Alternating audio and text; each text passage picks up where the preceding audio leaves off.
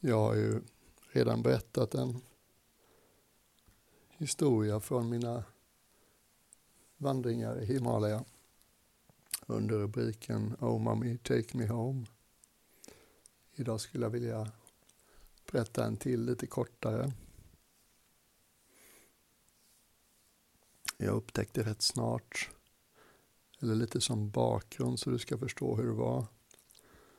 Um, efter min eh, tid i näringslivet så kom jag hem och pluggade litteraturvetenskap ett år. Och blev sugen på ryggsäcksresa på det sättet som många av mina jämnåriga hade gjort liksom tidigare, ofta innan högskolan. Men jag gick ju direkt från gymnasiet till högskolan så jag hade inte haft någon paus där. Så jag gjorde det nu när jag var 27 istället, sent 80-tal. Jag minns hur jag köpte den billigaste flygbiljetten med Pakistan Airways eller vad det hette, PIA. Och vi var fler än mig som hade gjort samma biljettinköp och hade samma planer. Att eh, i den resan som gick från Köpenhamn till Katmandu så ingick det ett stopp i Karachi där man fick vänta i 12-14 timmar.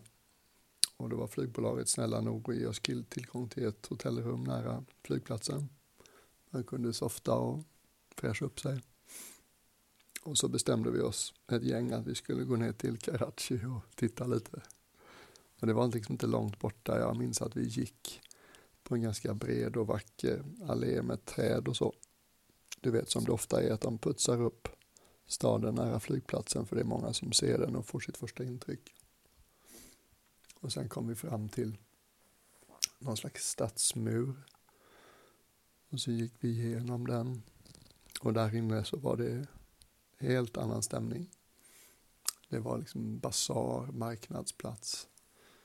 Eh, man såg djur som såldes, man såg rätt mycket vapen som såldes, man såg rätt mycket män med en AK47 slängde, de, slängde över axeln. Och vi blev ganska rädda och otrygga. Så att eh, sex, sju stora starka svenskar och danskar ute på äventyr. Vi liksom tittar på varandra lite molokigt och sa nej vi går hemma och väntar på hotellet. Och sen till slut kom man till Katmandu. Alla som har varit där vet vad jag talar om när jag berättar om inflygningen, själva landningen i Katmandu. Det är rätt kul. I, jag kom ju från Karachi men i efterhand har jag hört när jag sen levde som munk i Thailand så fick jag höra att det finns ett speciellt litet altare på flygplatsen i eh, Bangkok i personalutrymmena dit piloter kan gå och be en bön, be om en välsignelse inför eh, inflygningen till Katmandus flygplats. De kommer in liksom över bergen så först måste flygplanet sänka sig väldigt mycket väldigt fort för att liksom hinna ner till själva landningsbanan i Katmandu. Som sen i sin tur förstås är väldigt kort för den är ju liksom i en dal. Det finns mycket begränsat utrymme. Och så vitt jag minns så sluttar den upp för ganska rejält också. Men min landning gick bra där. Och sen minns jag när man på den tiden, det, var ju, det kändes som man hade landat ute på landet. Flygplatsen var jätteliten och utanför flygplatsen så fanns det några sådana här gamla Ambassadors, en engelsk bil som har funnits i Indien länge, länge, länge och inte förändrats speciellt mycket någonsin.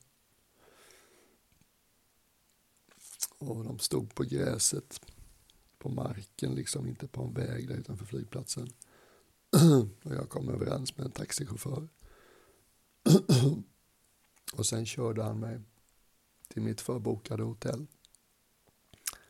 Och det var, jag hade så stora ögon när jag satt i bilen på vägen in till mitt hotell. Körde vi ganska länge genom centrala Katmandu. Och jag minns hur jag tittade in i hemmen. Det gick förstås långsamt för det var ja, människor och djur på gatorna.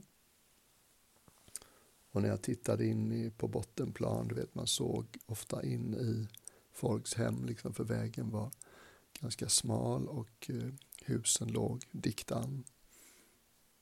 Och så kunde man se bottenplan på folks hus. Där brann det ofta en eld. Det var ofta stampat jordgolv. Och ofta så fanns det djur där inne. Kossor eller getter eller vad det nu kan ha varit. Det kändes så uråldrigt, uråldrigt, exotiskt, spännande. Så det var ankomsten till Katmandu. Och jag minns sådär en av de första upptäckterna jag gjorde när jag nästa dag vandrade runt och fick min första kompis. Så eh, gick jag in i en sorts affär jag hade aldrig hade varit i innan. En begagnad bokaffär. Och det finns gott om begagnade bokaffärer i Katmandu. Och som en läsande person så var det här ju alldeles delikat. Det var så mäktigt att se så många böcker som jag hade hört talas om, var intresserad av. För dig som inte vet det så blev Katmandu en av pilgrimsorterna, liksom vallfartsorterna för västerländska hippies på sent 60 och tidigt 70-tal. Tog sig över land, ofta från Europa och flög från Amerika. fanns någon längtan efter tidlös visdom med vagt österländska förtecken. Det var ju också då sådana personer som läser böcker som har sådant innehåll. Så det var inte svårt att hitta hela Hermann Hesses produktion där i bokaffärerna i Katmandu, de här underbara begagnade bokaffärerna. Alla beat, beatpoeterna, Jacques Kerouacs samlade verk, poeterna, Allen Ginsberg med flera. Mm. Jag hittade förstås konsten att, eh, sen, sen med Z och konsten underhålla en motorcykel. Det betyder mycket för mig. Jag minns en scen i Steppvargen. Herman Hesse har skrivit en bok som heter Steppvargen. Lite mindre känd än boken eh, om Siddhartha som har blivit hans mest uppmärksammade bok. Jag tyckte mycket om, eller man, eh, jag tyckte mycket om eh, Siddhartha. Jag tyckte också mycket om Steppvargen. Steppvargen handlar om en vinddriven existens. En eh, intelligent och reflekterande man som aldrig riktigt slår ner sina rötter. Som jag minns det så kanske han har något skrivprojekt han pillar med då och då. Han liksom flyttar då och då, rör sig mellan olika mindre städer i Sydtyskland. Tidsåldern känns som det kunde vara för 70, 80, 90, 100 år sedan kanske. Och han har liksom en ordnad bakgrund men han har valt det här mera kringvandrande livet. Och i en liten tysk småstad där han har bott, hyrt sig en lägenhet i några månader så är det liksom en del av ett hus så att det finns en trappa som knyter hyresvärdinnans nedervåning med hans övervåning. Och han går sakta ner för den här trappan en eftermiddag, han är på väg ut. Och så får han feeling och sätter sig. Så han sitter i trapphuset och tittar på varje trappsteg som är bonat så det skiner. Och så tittar han ut i ett litet burspråk halvvägs upp för trappan. Eller nisch kanske man säger. Och där står det en fikus, en blomma. Och den är förstås precis lagom vattnad.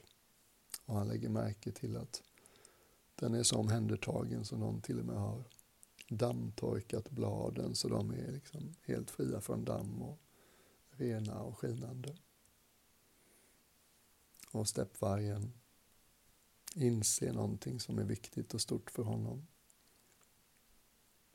Såklart inte första gången, men just den här stunden tog fram det starkare än vanligt. Mm.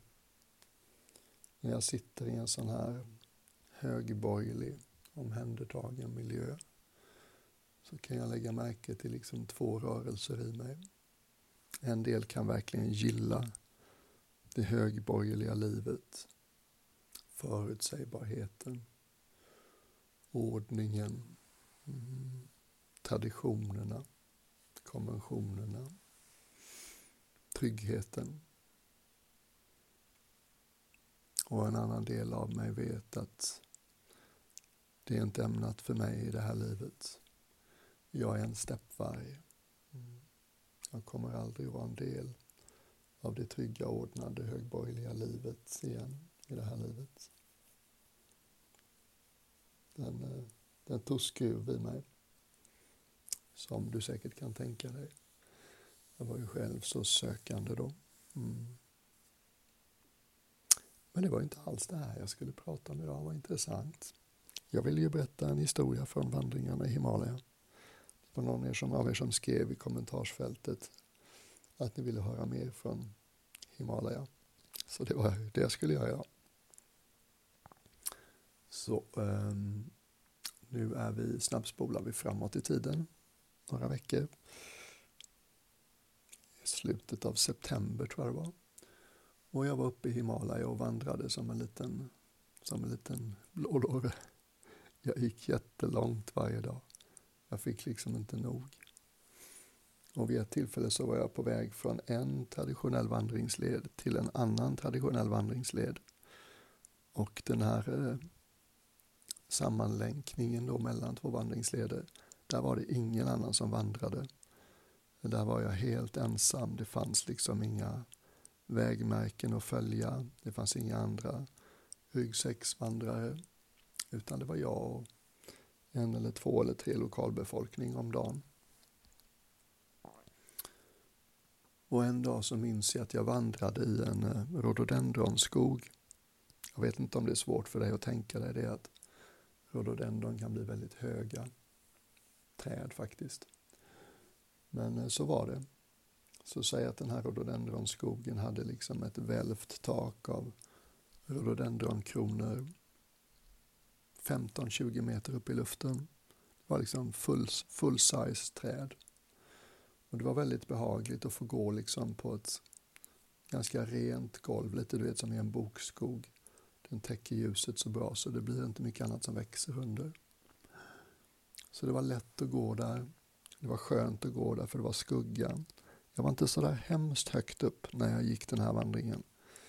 Men det växte ju träd trots allt. Det säger ju att det inte var så högt upp. Och medan jag går där så där eh, nöjd och glad över att det är så bekvämt att gå i skuggan och lätt att få fotfäste under rhododendronträden så börjar jag höra otäcka skrik. Väldigt otäcka skrik. Återkommer sådär med fem, tio minuters mellanrum. Vad är det, tänker jag. Och sen så visar sig något ännu otäckare. Jag börjar upptäcka blodspår. Marken jag går på är ju väldigt täckt av gamla rhododendronblad. Liksom. Och på de här rhododendronbladen då och då så ser man mer än ett par droppar blod. Och jag tänker, vad i hela friden har jag hamnat i nu? Du vet, jag tänker kidnappning, jag tänker misshandel. Du vet, bortrövade barn, bortrövade kvinnor. Någonting riktigt otäckt har hänt. Och den här stackars bortrövade, misshandlade personen med öppna blödande sår drivs på av någon hemsk person. Skriks åt av någon hemsk person där framme. Sånt där. Så jag skyndar mig lite för jag tänker här kanske jag kan hjälpa till eller ställa något till rätta eller vad jag nu tänkte mig. Jag är i och för sig inte säker hur bra jag hade klarat mig med min tunga ryggsäck mot en elak kidnappare med bössa eller piska, vad vet jag. Men det var så intressant just det här hur blixtsnabbt den mest kreativa kraften i universum, eller i alla fall på jorden, vårt egen, vår egen fantasi, i mitt fall liksom bara exploderade i möjliga hotfulla, skrämmande scenarios. Någon är kidnappad, någon är misshandlad, någon är bortrövad. Det är någon pedofilliga som rövar bort barn från byn. Det är någon eh, människohandlare som rövar bort kvinnor som byn och säljer dem som prostituerade i en helt annan del av världen. Det är någon som har lackat på sin förälder eller sin brottsling kompis och bara misshandlat dem till döds. Mm. Och så till slut, liksom, när jag har skyndat på ganska länge för att hinna ikapp skriken jag har hört nu då och då. Så runt en krök liksom i skogen så hinner jag ikapp. Och då visade det sig vara en man som eh, driver på en väldigt motvillig åsna. Och åsnan har eh, en stor eh, korg på varje sida om ryggen med fastbunden. Och i de här korgarna så ligger det en massa nyslaktat kött från ett får eller jätte gissar jag. Han var ju på väg till marknaden. Så de här hemska skriken jag hade hört, det var ju mannen som drev på sin åsna för den skulle gå fortare, fortsätta framåt. Och de där skriken hade säkert blivit mycket mer blodisande och elaka och aggressiva i mina öron än vad de faktiskt var. Och blodet såklart, från köttet i kojarna som den stackars åsnan fick släpa på. Ja. Kanske, kanske inte. Jag kan ha fel. Jag kan ha fått allt om bakfoten. Det verkar så verkligt nu, men det kanske förhåller sig på ett helt annat sätt än jag tror. Mm. Tänk så ofta det gör det. Tänk så ofta vi skrämmer upp oss i onödan. Liksom på 0,2 sekunder så skapar vårt inre en hotfull, skrämmande, läskig situation. Från ingenting. Från ett skrik i en nepalesisk rhododendrondjungel och ett par blodsdroppar på några blad. Mm. Ja, det var dagens det.